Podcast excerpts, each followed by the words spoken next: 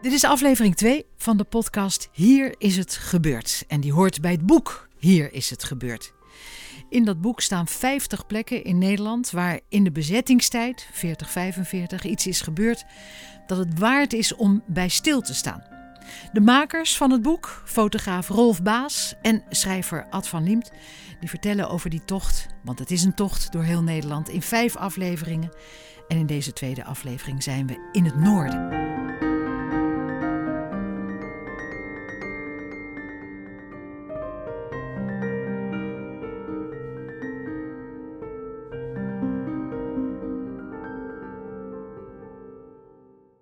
Rolf, ik begin bij jou. Ehm, als we naar de foto's kijken, dan valt mij op, het zijn steeds omgevingen.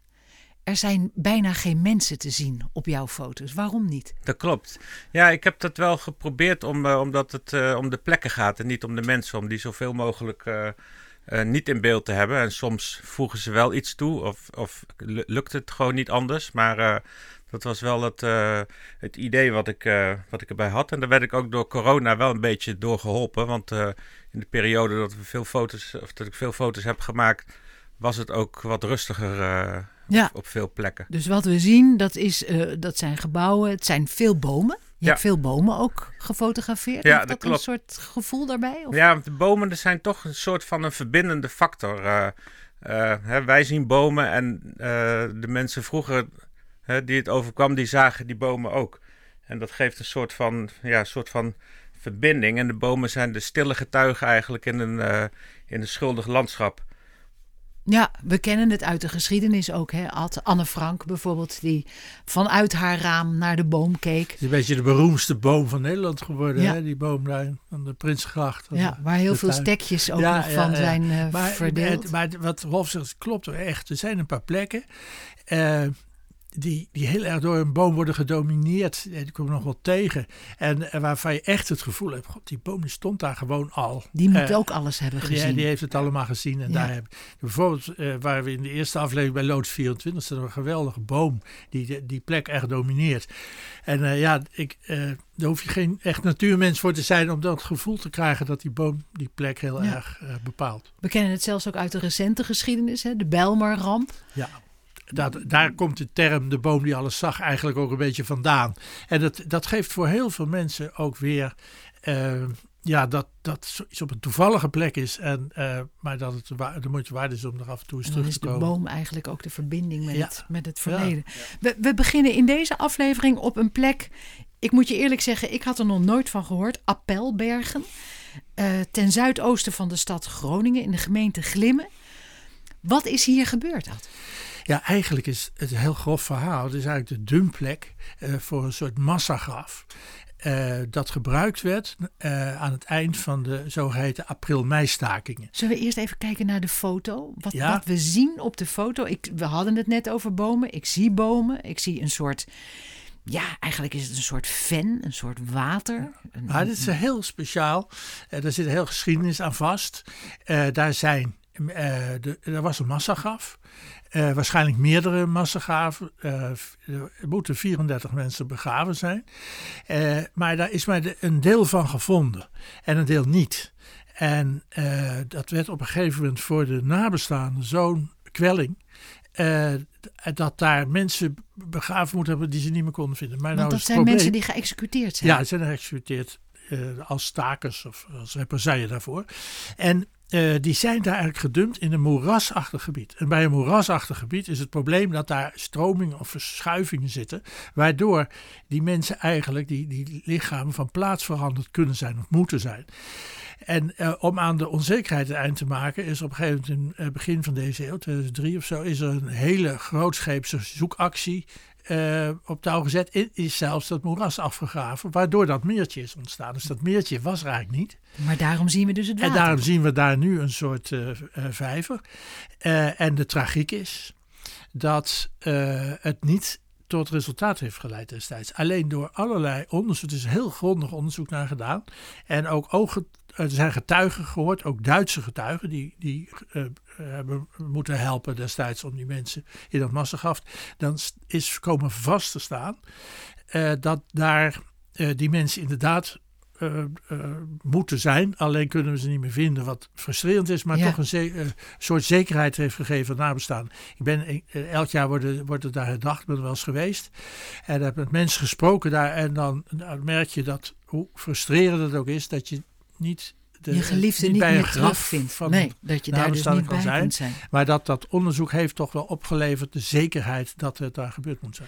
En is er iets van te zien? Zijn er, is er een gedenkplaats? Zijn er namen? Wat, wat zie je ervan? Behalve dan... heeft ze ook gefotografeerd. Er is, een, uh, een uh, foto van, een, van twee plaquettes die daar in, in, het bos staan. Je moet het wel weten hoor, want je loopt er zo langs. maar die, op de ene staan de namen van de mensen die gevonden zijn. En elders en op de andere uh, staan de namen van de mensen die er en die nooit teruggevonden zijn. Het, het gaat dus om mensen die aan het eind, uh, die tijdens die april-mei-stakingen van 1943 uh, eh, gedood zijn. Dat is eigenlijk een van de grootste terreuracties van de Duitsers geweest. Dat ze die staking, die, waardoor de Duitsers overvallen werden. Het was een staking tegen het wegvoeren van voormalig Nederlandse militairen als dwangarbeider in Duitsland. Mm en dat was een massale staking in het hele land, behalve in de steden in het westen. En de Duitsers waren eigenlijk in paniek. Die hebben daar maatregelen afgekondigd die je niet voor mogelijk houdt. Schieten op menigte, uh, iedereen executeren die, uh, die, die ze voor. Er zijn minimaal 175 doden gevallen als gevolg van een staking. Kunnen wij ons niet meer voorstellen. Nee. dat, is, dat gaat alle verstand te buiten. dus dat is het is zo'n gruwelijke gebeurtenis geweest voor zo'n groot deel van Nederland. Dat er wel wordt gezegd, zegt Lou de Jong eigenlijk ook, dat het het beslissende moment in de oorlog was waarin de stemming in Nederland definitief omsloeg in anti-Duitse zin. Behalve dan de mensen die al de hele tijd pro-Duits waren. Maar de anderen die twijfelden of op de wip zaten. Die, dit was zo'n enorme schok. Uh, dat daardoor uh, de rest van Nederland zeg maar anti-Duits werd. Hier zijn ook jonge mannen bij neergeschoten die eigenlijk niks op hun kerfstok hadden. Maar toch doodgeschoten zijn. Nou, het aller, allergruwelijkste verhaal is in Marum, dat ligt daar vlakbij. Uh, dat ligt iets, uh, iets noordelijker, op de grens van Friesland en Groningen ongeveer. Uh, daar vond een Duitse patrouille een paar boomstammetjes op een weg. En die hebben ze opzij gedaan. En toen ze terugkwamen, lagen ze er weer. En toen hebben ze lukraak 16 uh, mannen van de boerenerf in de buurt getrokken. En die hebben ze opgesloten. Daarna is er een ploeg van de Sicherheidspolizei Groningen, de beruchte, uh, heen gekomen. En die hebben die mannen zonder vorm van proces geëxecuteerd. 16 zei ik. Uh, er is er één ontkomen, een jongetje van 13, die met zijn vader mee was opgepakt. En die vader die vertrouwde de zaak niet, dus die zei tegen dat jongetje: wegwezen. Maak dat je wegkomt, jonk. Ik heb die man laat gesproken, dus vandaar dat, dat ik het weet, heeft het verhaal verteld. En dat vond hij heel vervelend, want dan maakte hij eindelijk eens wat mee. Dan was hij bij de grote mensen mee. En, Mocht hij dus, werd hij door zijn vader weer weggestuurd. En hij is de enige die erover kan praten en die het kan overleven. Want die het heeft overleefd. Want de anderen zijn uh, geëxecuteerd op een plek daar vlakbij. En die hebben we ook gefotografeerd. Dat is ook een van de. Van, van de daar, daar hebben ze uh, voor elk slachtoffer een boom in een soort cirkel gezet. Uh, rond een monument. En deze 16, die dan geëxecuteerd zijn, of 15, die eh, zouden hier ook begraven liggen. Uh, op deze plek, die, maar dus niet teruggevonden. een deel is teruggevonden en een deel niet. Een van degenen die niet is teruggevonden, dat is niet van deze 15, maar dat is de allereerste die in Nederland geëxecuteerd werd voor die staking. Dat is een heel bijzonder verhaal, vind ik. Althans, een ontroerend verhaal. Jochem van Zwol, een jongen uit Leens, begin 20. Leens ligt bij Groningen. Die, eh, ze hoorden dat er in het naburige Winsen van alles aan de hand was rond die staking. Dus ze fietsen daar naartoe met drie vrienden. Ze werden onderweg aangehouden door Duitsers. Het gecontroleerd. En toen bleek dat hij een boksbeugel bij zich had. En dat werd gezien als verboden wapenbezit. Hij is doorgestuurd naar de Sicherheidsdienst. En hij is bij wijze van voorbeeld als eerste uh, daar ergens op een binnenplaats geëxecuteerd Jochem van Zwol. Zijn vader uh, mist hem, want hij is niet thuisgekomen. Dus hij is de volgende ochtend op de fiets gestapt naar Groningen, naar de stad. En die fietst de grote markt op, in de hoop iets te horen over zijn zoon. En die ziet daar een oploop. En er staan de mensen voor een groot plakkaat. En hij komt daar langzamerhand aan, aan toe. En dan ziet hij op dat plakkaat staan dat er iemand is geëxecuteerd. En dan ziet hij de naam van zijn zoon. Dat beeld, ik, dat, dat plakkaat hebben we ooit ook op een oorlogstentoonstelling gehad. Want als je, eh, nou ja, als je dat verhaal kent, dan is dat eh, natuurlijk zo'n Ontroerend. ongelooflijk Ja. gruwelijk eh, Ja. verhaal. Waarin de, ja, de meedogenloosheid van de Duitse terreur in, eh, rond die staking wel heel erg blijkt. Ja, de eerste, Jochem van Zwol. Ja. We hebben zijn naam maar genoemd. ja, zo is het.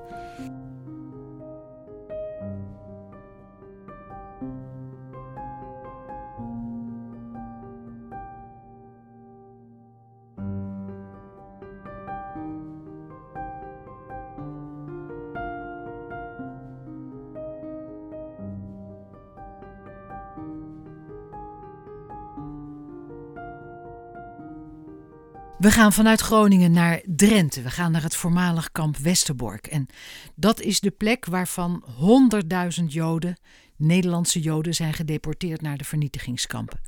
Eigenlijk kan je wel zeggen dat dat, nou, het was gewoon een stad op de hei in de oorlog met soms wel 15.000 inwoners. Het is niet heel erg groot, 500 bij 500 meter. Modderig terrein, zeker bij regen en in de zomer was het vooral zanderig en stoffig. Het was een stad, er waren cabaretvoorstellingen, er zaten beroemde artiesten. Allemaal in afwachting van de trein die ze weg zou brengen, in afwachting van hun deportatie. En twee van deze mensen die daar zaten, Johnny en Jones, die vormden een bekend duo. En ze hebben een liedje gemaakt over Westerbork, de Westerbork Serenade. Dat is ook bewaard gebleven, eigenlijk ongelooflijk. Geloof, ik ben niet helemaal in orde. Ben met mijn gedachten er niet bij. Opeens ben ik een ander mens geworden. Mijn hart klopt als de vliegtuigsloperij. Ik zing mijn Westerbork serenade. Langs het sporenbaantje schijnt het zilvermaantje op de heide. Ik zing mijn Westerbork serenade. Met een schöne dame wandelen tezamen zij aan zijde. En mijn hart brandt. Het spoorwegbaantje. Ja, het klinkt zo lieflijk, maar het was te gruwelijk voor woorden, Ad. Ja, want dat spoorwegbaantje dat hij bedoelt, dat is een aftak van de doorlopende lijn. Die op eh, bevel van de Duitsers is aangelegd, grotendeels door kampgevangenen. Eh, vanaf Hooghalen tot in het kamp. En dat maakte de transporten, de deportaties gemakkelijker. Want de treinen uit het land konden in het kamp zelf eh, binnenrijden. Daar was verder geen extra bewaking voor nodig, zoals in het begin. En de eh, beruchte deportatietreinen vertrokken ook uit het kamp waar, waar dat Ja. spoorwegbaantje lag. Elke dinsdag. In het laatste jaar was het bijna elke dinsdag. In het begin waren er wel twee in de week. Eh, en eh, dat is vanaf november eh 42 is die lijn klaar. Hij is besteld, de, brief is bewaard waarmee, de, waarmee die lijn besteld werd. En er staat in de laatste zin dat hij na een jaar weer kan worden opgebroken. Dat is later als een bewijs eh, opgevoerd dat, dat, hoe, hoe de planmatig dat in elkaar zat. Ja, men Een dacht, jaar- we zijn na een jaar jaar hebben klaar. we ze, en dat heeft bijna geklopt, heeft anderhalf jaar of zo geduurd. Ja. Dus dat, dat hele planmatige kun je dan soms uit één zinnetje uit een brief aflezen. Maar daarin is natuurlijk niet de onbeschrijfelijke ellende en de spanning van al die mensen die alsmaar bang waren dat zij op de volgende lijst zouden Ja. staan. Die is daarmee, daar niet mee gedekt. Nee, zeker. Het, het, het, is, het was bijna een stad, zeggen we al. Hè? Het, een, een, een stad met een bijna gewoon leven ook. Hè? De- tussen dus de treingangen door, zeg maar, werd er van alles aan gedaan om ervoor te zorgen dat het net leek alsof het een gewoon dorp was. Ja, dat was de opzet van de Duitsers. En daar, eh, was, dat was ook de opzet van de kampcommandant, eh Gemmeke, die in oktober 42 begint en verder de hele oorlog daar de leiding heeft gehad. Eh, en eigenlijk kun je achteraf zeggen. eh, ik, heb, ik heb die man bestudeerd, heb een boek over hem geschreven. Je kunt achteraf zeggen dat hij volledig geslaagd is. Hij had de opdracht om het rustig te houden, om het zonder eh, protesten en zonder gedoe de Joodse de, bevolking van Nederland af te voeren. Toen hij kwam waren er ruim eh, 20.000 eh, al afgevoerd, ongeveer 25.000. En in, in de tijd dat hij er zat, heeft hij dus meer dan, hon- meer dan 80.000 Joden eh, gedeporteerd. En hij stond zelf altijd op het perron het eh, vertreksein te geven, zoals Philip Mechanicus in zijn dagboek schreef, met een wenk van de hand. Die term met een wenk van de hand. eh, Dan, gewoon, dan ging de trein duizend- rijden. duizenden mensen afvoeren. Ja, ja. We, hoorden net dat liedje. Dat is ook een van de aspecten van het zo normaal mogelijk laten lijken. Er werden cabaretvoorstellingen gegeven, er werd gezongen, er werd gedanst. Er waren goede ziekenhuizen, althans er was een heel goed hospitaal met hele goede artsen. Het, het is zo'n macabere plek eigenlijk. Ja, dat is precies het woord. Eh, het was een grote leugen. Hè? Het was één grote schijnvertoning. Eh, een heel berucht verhaal is dat er een eh, kind te vroeg geboren was. En dat ze de uiterste best hebben gedaan om dat eh, op te, eh, aan te laten sterken. Er werd een couveuse uit Groningen gehaald. Er werd, eh, de kampcommandant regelde een fles cognac. Zodat ah, dat kind af en toe een druppeltje kon krijgen om aan te sterken. Daar geloofden ze toen nog in. Ja. En toen het kind was aangesterkt en, en klaar was om op reis te gaan, toen is het in de trein naar Auschwitz gegaan en daar vermoord. Ja, onbegrijpelijk. Er is van dit kamp een film gemaakt. Hele beroemde film, hè. hoort volgens mij ook tot het UNESCO eh, Werelderfgoed. En Rolf, dan sta jij voor de taak om in dit kamp een foto te maken. En als ik dan kijk, dan zie ik eigenlijk gewoon eh, op de foto een vlakte. Eh, niets van de gruwelen waar, die, je, die je bedenkt bij zo'n kamp. Maar eigenlijk gewoon alleen maar een doorkijkje. Ja. Hoe kom je erbij om zo'n foto te maken? Ja, dat klopt. Ja, dat was nog wel even zoeken. Want ja, er staan verschillende monumenten op het, op het terrein die allemaal een eigen verhaal vertellen of een eigen functie vervullen. Maar ja, ik wilde wel proberen om eigenlijk het, het verhaal van Westerbork in één foto eh, te vangen. En nou ja, er is daar een, een, een, een barak terug, eh, teruggeplaatst. En eh, op een gegeven moment zag ik eigenlijk een tweeluik in één foto die ik kon maken. Omdat het voor mij ook het kamp is met twee gezichten. Dus aan de ene kant wilden de mensen die wilden daar absoluut niet zitten in dat kamp. Aan de andere kant waren ze als ze dood om er weer te vertrekken. Want als ze vertrokken, dan gingen ze, eh, hè, gingen ze niet de goede kant op. eh. Ja. En nou ja, dat heb ik geprobeerd eh, eh, met deze soort van tweeluik eigenlijk eh, uit te beelden. Ja, het is een tweeluik van een, een vlakte met opnieuw een boom erin. Ja. En het is een doorkijkje vanuit de varkensstal, want dat is het eigenlijk geworden, hè, die barak. Ja, dus later als varkensstal gemaakt. Later als varkensstal gebruikt, een doorkijkje. En in de verte zie je dan toch die treinwagon. Ja, dat klopt. En die, die treinwagon die zit in een soort donker kader. En dat, ja, dat geeft ook wel weer een symbolische lading aan, aan de, de zwartheid van, eh, ja, van, van, van die treindeportaties. Ja. Het maakt ook mooi duidelijk dat het een doorgangskamp is. Ja. Je kijkt er doorheen. ja, ja. ja. Westerbork.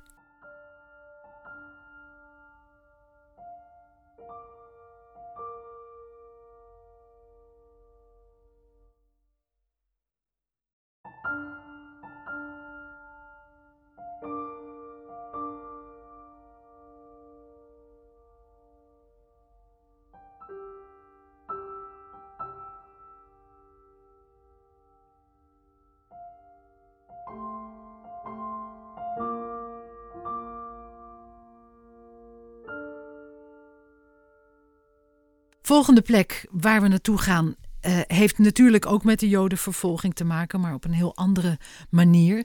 Het dorp Nieuwlanden. Eerlijk gezegd, Ad, voor mij ook een nieuwe naam. Nou ja, je ziet van die 50 plekken is een groot deel algemeen bekend, maar een aantal zijn eigenlijk heel onbekend. En dat maakt het hele project ook eh, extra interessant. Eh Nieuwlanden is eigenlijk het dorp waar Joodse onderduikers in grote getalen welkom waren en waar ze nooit zijn opgepakt. En Nieuwlanden is voor de kenner ook het dorp waar Johannes Post vandaan kwam. Johannes, Johannes Post Post. is een verzetsheld, waar heel veel straten naar zijn genoemd en ook een hele belangrijke rol in het verzet heeft gespeeld. Hij begon daarmee in eh Drenthe, maar op een gegeven moment werd hij, we maar zeggen, tot het hogere geroepen en is hij naar het westen gegaan en werd hij in een soort landelijke eh, verzetsgroep opgenomen. Een man met enorme kwaliteiten.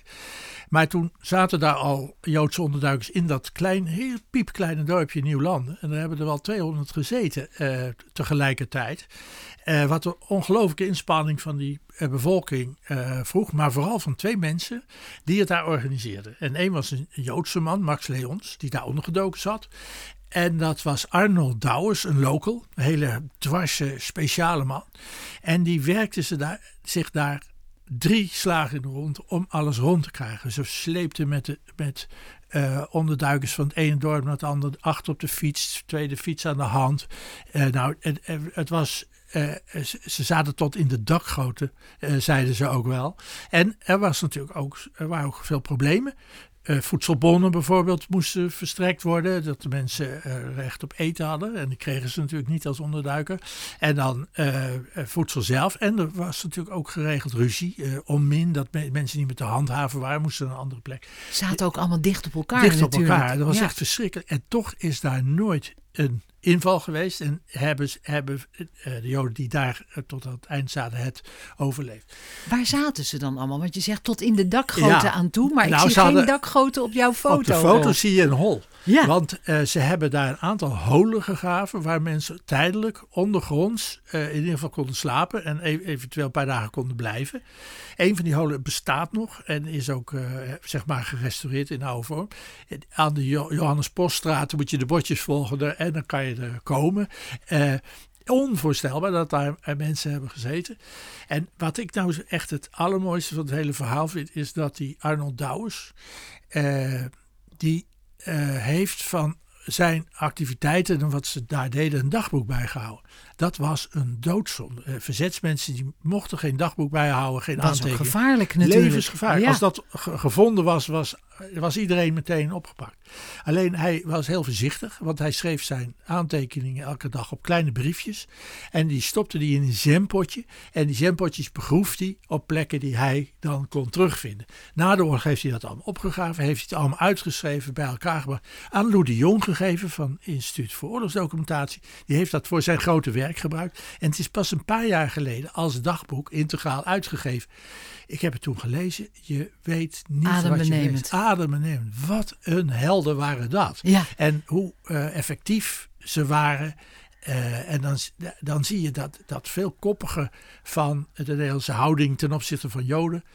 Er zijn verschrikkelijke verraders geweest en jodenjagers. En er zijn heel veel mensen die weg hebben gekeken. Maar er waren er ook, zoals die Arnold Douwes en die Max Leons. En een heel dorp. En Want het hele dorp heeft ze nooit verraden. En het hele dorp is daarvoor beloond met een Yad Vashem onderscheiding voor het hele dorp. Het staat ook op een monumentje ergens midden in het dorp is dat te zien.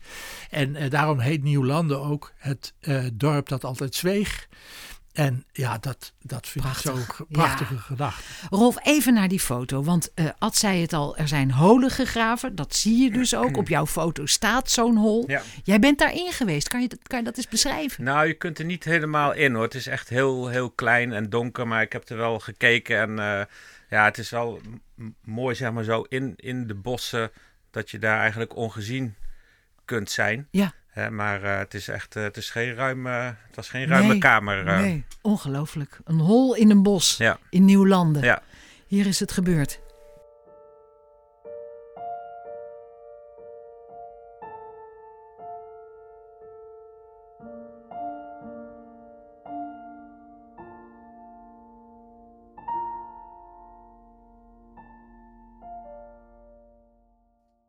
We gaan een stuk westelijker. We gaan naar, eh, naar de Friese hoofdstad Leeuwarden. En dat is een verhaal waar Friesland eigenlijk zelf wel heel erg trots op mag zijn. We gaan naar de Blokhuispoort, naar de plek van de overval. Daar is ooit een speelfilm over gemaakt, 1962. Toen der tijd waren dat beroemde acteurs die daarin meespeelden. We luisteren naar een stukje uit die film en dan horen we bijvoorbeeld acteur Rob de Vries. Jongens, we gaan naar binnen. Chris, Gerard, zodra jullie in de cellenhal zijn, direct naar de deur van de binnenplaats. Vos komt er binnen. Wees voorzichtig en gewapend. Op zijn nek springen. Jodokus, Ja. voor alles bakker uit zal 10 halen. Happy, Ja, de alarmbel. reken maar. Denk om jongens niet schieten. Op hun nek springen. Klaar? Nu. Wat een helder verhaal. Een overval. Ad, vertel. Ja, het wordt ook allemaal weer zo mooi verteld. En die namen, Jo- Jo- Jodokus. Ja, ja. Hoe, hoe ging die Het is overval in zijn echt werk? absoluut een helder verhaal. eh, dat zijn weerga in Nederland niet kent. Eh, er zitten 51 eh, van verzetsdaden, wat de Duitse terreur noemden, verdachte mensen in dat huis van bewaring, Blokhuispoort, ik ben er geweest. We hebben er rondgelopen. Het is echt een ongelooflijk groot complex. En eh, als je daar op de binnenplaats loopt, denk je, nou, eh, daar kom je van je lang zal zijn leven niet uit. Hoe, wat hebben ze gedaan? Uh, verzetsgroep hebben daar intensief mee samengewerkt. We hebben uh, gebeld naar de Duitsers met Duitse stem namens politie. We komen straks drie nieuwe gevangenen brengen. Uh, dan en dan. En dan zeggen ze, oké, okay, komt, u komt maar. En dan komen ze dus met z'n vijven, twee in uniform en drie zogenaamde gevangenen. En ze bellen aan. En op het moment dat ze dan worden binnengelaten, overvallen ze uh, degene die open doen. En dan is er een draaiboek klaar waarbij ze precies weten in welke cel wie zit. Ze hebben er allemaal sleutels van. Of in ieder geval ze kunnen de deuren openmaken. En in, binnen het uur zijn daar 51 verdachten. Uh, die daar opgesloten zaten, uitgehaald. De, Duits, de bewakers van de gevangenis zijn in de cellen opgesloten, zodat die niet achter ze aan konden komen. Ze, er waren allemaal onderduikplaatsen voor ze geregeld, dus die zijn allemaal in stilte. Het was net donker, hè? het was in, in december, uh, dus om, om een uur of zes gebeurde het allemaal. Die zijn naar hun onderduikplaats, uh, toen hebben ze nog prachtig detail vind ik, peper gestrooid voor de deur om de speurhonden van de sigaretdienst op een dwaalspoor. Want daar schijnen honden niet tegen te kunnen, tegen peper. En toen is dat eigenlijk zonder slag of stoot, er is geen schot gevallen, zijn die 51 mensen uh, bevrijd. Want waar, waar zaten die bewakers? Die hebben ze dus overmeesterd. Die hebben ze die in de cellen opgesloten. En die hebben ze toen in de cellen ah, opgesloten. Zodat er niet met. Later is het natuurlijk wel vrij snel een actie geweest. Ze hadden overigens van tevoren uh, een heel, heel team klaarstaan om uh, de buitenkant te bewaken. Dat als er Duitsers zouden komen om, onverwacht, dat ze konden ingrijpen. En een van die, degene die daar de leiding van heeft, daar heb ik het dagboek ooit van gelezen, het hele verslag. Die had dus een, een een pandje gekraakt aan de overkant. Die had tegen mensen gezegd: Dit is van, uh, van belang. U moet nu naar boven. En wij zitten beneden en vanavond mag u weer terug. En toen hebben ze daar vandaan een commandopost die hele straat bewaakt. En toen zijn dus twee keer zijn er Duitsers langsgekomen.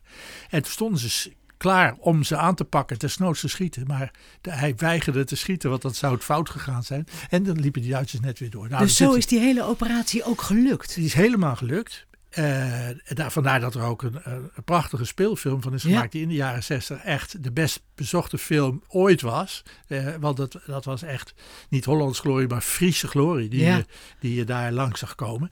Uh, maar het is ook werkelijk een geweldige Inderdaad. Maar is daar ooit een represaille op geweest? Nou, want de Duitsers waren woedend, denk ja, ik. Over het algemeen waren represailles heel gewelddadig als er geweld was gebruikt. Maar door geen geweld te gebruiken uh, had je een grotere kans dat er geen represailles zou komen. In dit geval, uh, zo schrijft in van Lou de Jong, uh, hebben ze nog iets extra's gedaan door op de dag erna een brief te schrijven aan de ortscommandant, dus om aan de Duitse politiechef te plaatsen, dat hij er goed rekening mee moest houden dat als er represailles zouden komen, dat hij dan voor oorlogsmisdaden zou worden aangeklaagd. Dus ik ken dat verschijnsel eigenlijk niet, dat het verzet al vooruit liep op uh, eventuele berechting van oorlogsmisdadigers. En dat zou de reden zijn geweest dat hij het er ook bij heeft laten zitten. Er was overigens wel een grote razzia in Leeuwarden de volgende dag, maar dat was om uh, dwangarbeiders uh, te werven. En die was misschien ook al gepland. En die, had niks met deze operatie nee, te maken. Dat gebeurde in die tijd overal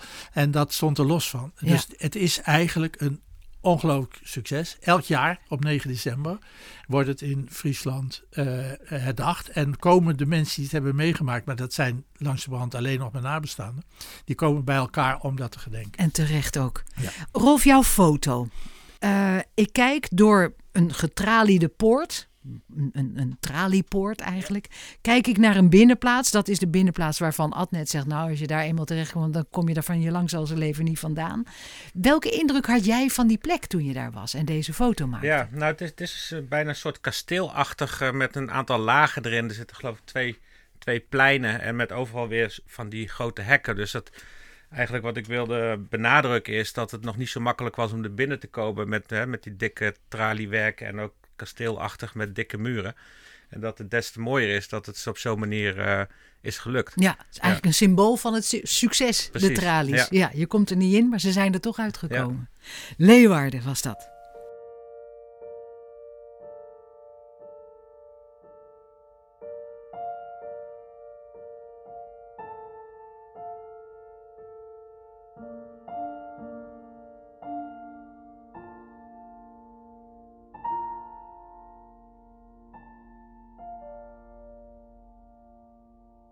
Nog een stuk verder naar het westen. We gaan naar het Waddeneiland Texel. Ehm 5 mei 1945 was in Nederland de oorlog afgelopen, maar dat gold niet voor Texel. En dat komt door een heel bloedige gebeurtenis in de laatste weken van de bezetting. Die is lang onbekend gebleven, behalve natuurlijk op Texel zelf. De opstand van de Georgiërs. En Rolf, jij hebt eh, gekozen, ik wil met de foto die je hebt gemaakt beginnen. Een foto van de vuurtoren in de duinen. Ja, Waarom? Waarom hier? nou, dat is helemaal aan de noordkant van, eh van Texel. En ja, de, er is, heeft een strijd eh, is er geweest tussen de Duitsers en de Georgiërs, die ongeveer 2,5 weken heeft geduurd. En dit is eigenlijk de plek waar uiteindelijk de Georgiërs hebben, zich hebben overgegeven. Die hebben ja, 2,5 weken gestreden en waren moe, konden geen kant meer op. En die hebben hier eigenlijk eh, ja, ervoor gekozen om, eh, eh, om de, st- de strijd Op te geven. te staken. Ja, ze zijn hier ook begraven. Je hebt ook de begraafplaats gefotografeerd. Dat, dat lijkt me ook een beladen plek. Ja, het is een, een, een bijzondere plek, maar ik, ik vind, het, vind het vooral bijzonder vanuit het, de gedachte dat ze zich bij de Duitsers hebben aangesloten in de tijd eigenlijk om te overleven. Hè, want anders zouden ze verhongeren en, en nu hè, hadden ze in ieder geval goed te eten. En op het moment dat ze, eh, ehm, zeg maar, dat ze opgeroepen werden om tot actie te gaan komen, eh, Ja. hebben ze, wilden ze zich daarvan van ontdoen. En ik denk dat ze bij terugkomst eh, eh, absoluut geëxecuteerd zouden zijn eh, vanwege eh, verraad wat ze hadden gepleegd. En eigenlijk hebben ze nu ervoor gekozen om een soort, ja, soort heldendood eh, te sterven door zich te verzetten tegen de Duitsers. En ja, op hoop van zegen kijken wat daar nog... eh, ja. ja. En het dus met de dood hebben bekopen. een groot aantal wel, ja. Wat, wat, wat, wat was dat voor strijd? Waar, waar ging het om? Nou, die, eh, eh, zoals Rolf zegt, die Georgiërs zaten in een kamp en kregen in dat kamp de keus om daar te blijven of om zich aan te melden bij het, bij het Duits leger. En dus met ik- de Duitsers daar- mee te vechten. En daar gingen ze, ja, dus eigenlijk het werd in eigen land natuurlijk als desertie, als, als, als eh, collaboratie gezien. En ze kregen een aparte afdeling eh, en die, dat was de Koningin Tamara. Eh bataljon heet het. Koningin Tamara bataljon. Dat klinkt allemaal eigenlijk heel mooi Lieflijk, en, en, ja. en lieflijk. Eh, en ze werden op naar allerlei omzwervingen gestald op Texel. Nou, dat was echt een luizenleven eerlijk gezegd. Want het, eh, het, was, ook- het ging echt om honderden. En eh, dus ze hadden het daar eh, heel makkelijk gebeurd. Natuurlijk niks, het eind van de oorlog. Maar de Canadezen komen eh, in opmars in, Ne- in Oost-Nederland. En begin april eh, beginnen ze eh, dus ge- eh, geldend Overijssel te worden. En de Duitsers wilden hulptroepen inzetten om daar de Canadezen tegen te houden. En kozen daarvoor dat koningin Tamar bataljon. En dat verdomden ze, want ze hadden geen zin om echt daadwerkelijk te gaan strijden tegen hun. En- eh, en ze tegen wisten ook dat de oorlog in feite voorbij Ja, was. dus, de- eh, en toen hebben ze binnen een dag besloten tot een, eh, tot een opstand. Maar dat is zo'n onvoorstelbaar gruwelijke opstand geworden. Die eigenlijk helemaal niet, eh, ja, niet past in die, in die tijd en in, in onze oorlogstraditie. Dus die hebben eh, hun Duitse collega's, dat was ongeveer 50-50 opgebouwd, dat eh, bataljon, ja, afgeslacht in een nacht. En er zijn dus echt honderden doden gevallen. En dat is onwaarschijnlijk gruwelijk geweest. De Duitsers hebben toen, eigenlijk hadden ze ze allemaal willen afmaken, maar de, de, de commandant hebben ze niet gekregen. Die heeft zich veiligheid gesteld, die heeft contact opgenomen met de wal. En toen zijn er hulptroepen gestuurd, meteen eh, massale eh, eh, Duitse eh, troepen om dat neer te slaan. En heel veel wapens en, en materiaal. En toen is dus die slag begonnen, die op allerlei plekken, een soort guerrilla eh, oorlog op, op Texel. En dat liep eigenlijk door, eh, terwijl eh, eh, Nederland massaal bevrijd werd, werd daar volop gevochten. Als je het optelt aan het aantal slachtoffers, dat loopt tegen de duizend, alles bij elkaar. Dan is het een van de bloedigste slagen uit de hele Nederlandse oorlogsgeschiedenis op Nederlandse bodem geweest. Ja. Duitsers en Georgiërs samen. ja, en Tesla's. Want eh, het, het, ging daar niet erg zachtzinnig aan toe. Dus er zijn ook daar, eh, Tesla's die verdacht werden van steun aan die Georgiërs. Die zijn afgeslacht. Het is een onvoorstelbaar bloedbad geweest. Ik wist daar eerlijk gezegd weinig van. Het is ook pas veel later eigenlijk losgekomen. En eh, pas vrij recent zijn daar studies over geweest die echt in kaart brengen wat daar voor iets krankzinnigs is gebeurd. Ja. Eh, ik moet zeggen, ik, die foto van, van eh, eh, die vuurtoren Het is, ziet er schitterend uit. Het is ook een prachtig landschap. En het wordt opeens heel navrant als je weet wat daar gebeurd is. En ik was ook wel echt onder de indruk van die prachtig bijgehouden begraafplaats. Wie houdt dat bij? Ik weet De dat Tesselaar zelf misschien? Ja, ik Ook denk dat, er- dat er ook wel een Georgische gemeenschap er een rol in speelt. Weet ik eerlijk gezegd niet. Het heet eh Lolatse, heet die begraafplaats. Die ligt aan, een beetje aan de zuidpunt van eh Texel. En Lolatse was de aanvoerder van, de, van dat eh, koningin Tamar bataljon. En dat is wel grappig. Hij ligt daar ook. En de, de, de begraafplaats is genoemd naar de aanvoerder die daar begraven Die daar ook ligt. Er liggen dus 476 mensen of zo. Hè? Ongelooflijk. Dus het is niet echt een eh, kleintje. En heel mooi bijgehouden. Ja, en wat ik nog wel mooi vind van, van, van, zeg maar die foto met de vuurtoren... is dat dit de plek is waar geen bomen staan... en waar in feite hier de vuurtoren is die alles zag. Ja, Ja. Ja. kan nooit meer gewoon naar die vuurtoren kijken. Nee, eigenlijk niet. Vanaf nu, Nee. Nee. als ik weer op Texel ben. Ja.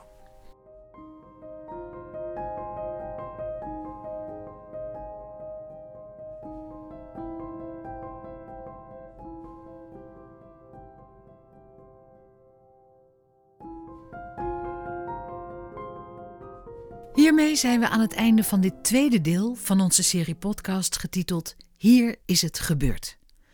U kunt de andere vier afleveringen, net als deze, beluisteren op de bekende podcastplatforms en ook op de website van de uitgeverij wbooks.com.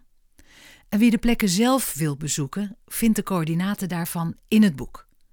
Maar veel mooier is het natuurlijk nog om de verhalen in het boek te lezen en de mooie foto's te bekijken. Voor aflevering 3 gaan we naar het oosten en daar horen we het verhaal van de kerkrazzia in het onderduikdorp Aalte. Duitsers omsingelen een kerk om daar mannen voor de arbeidsinzet uit te sleuren. En hoe Gerrit Hoopman toch nog ontsnapte. Ik ben Margriet Vromans. Tot de volgende aflevering.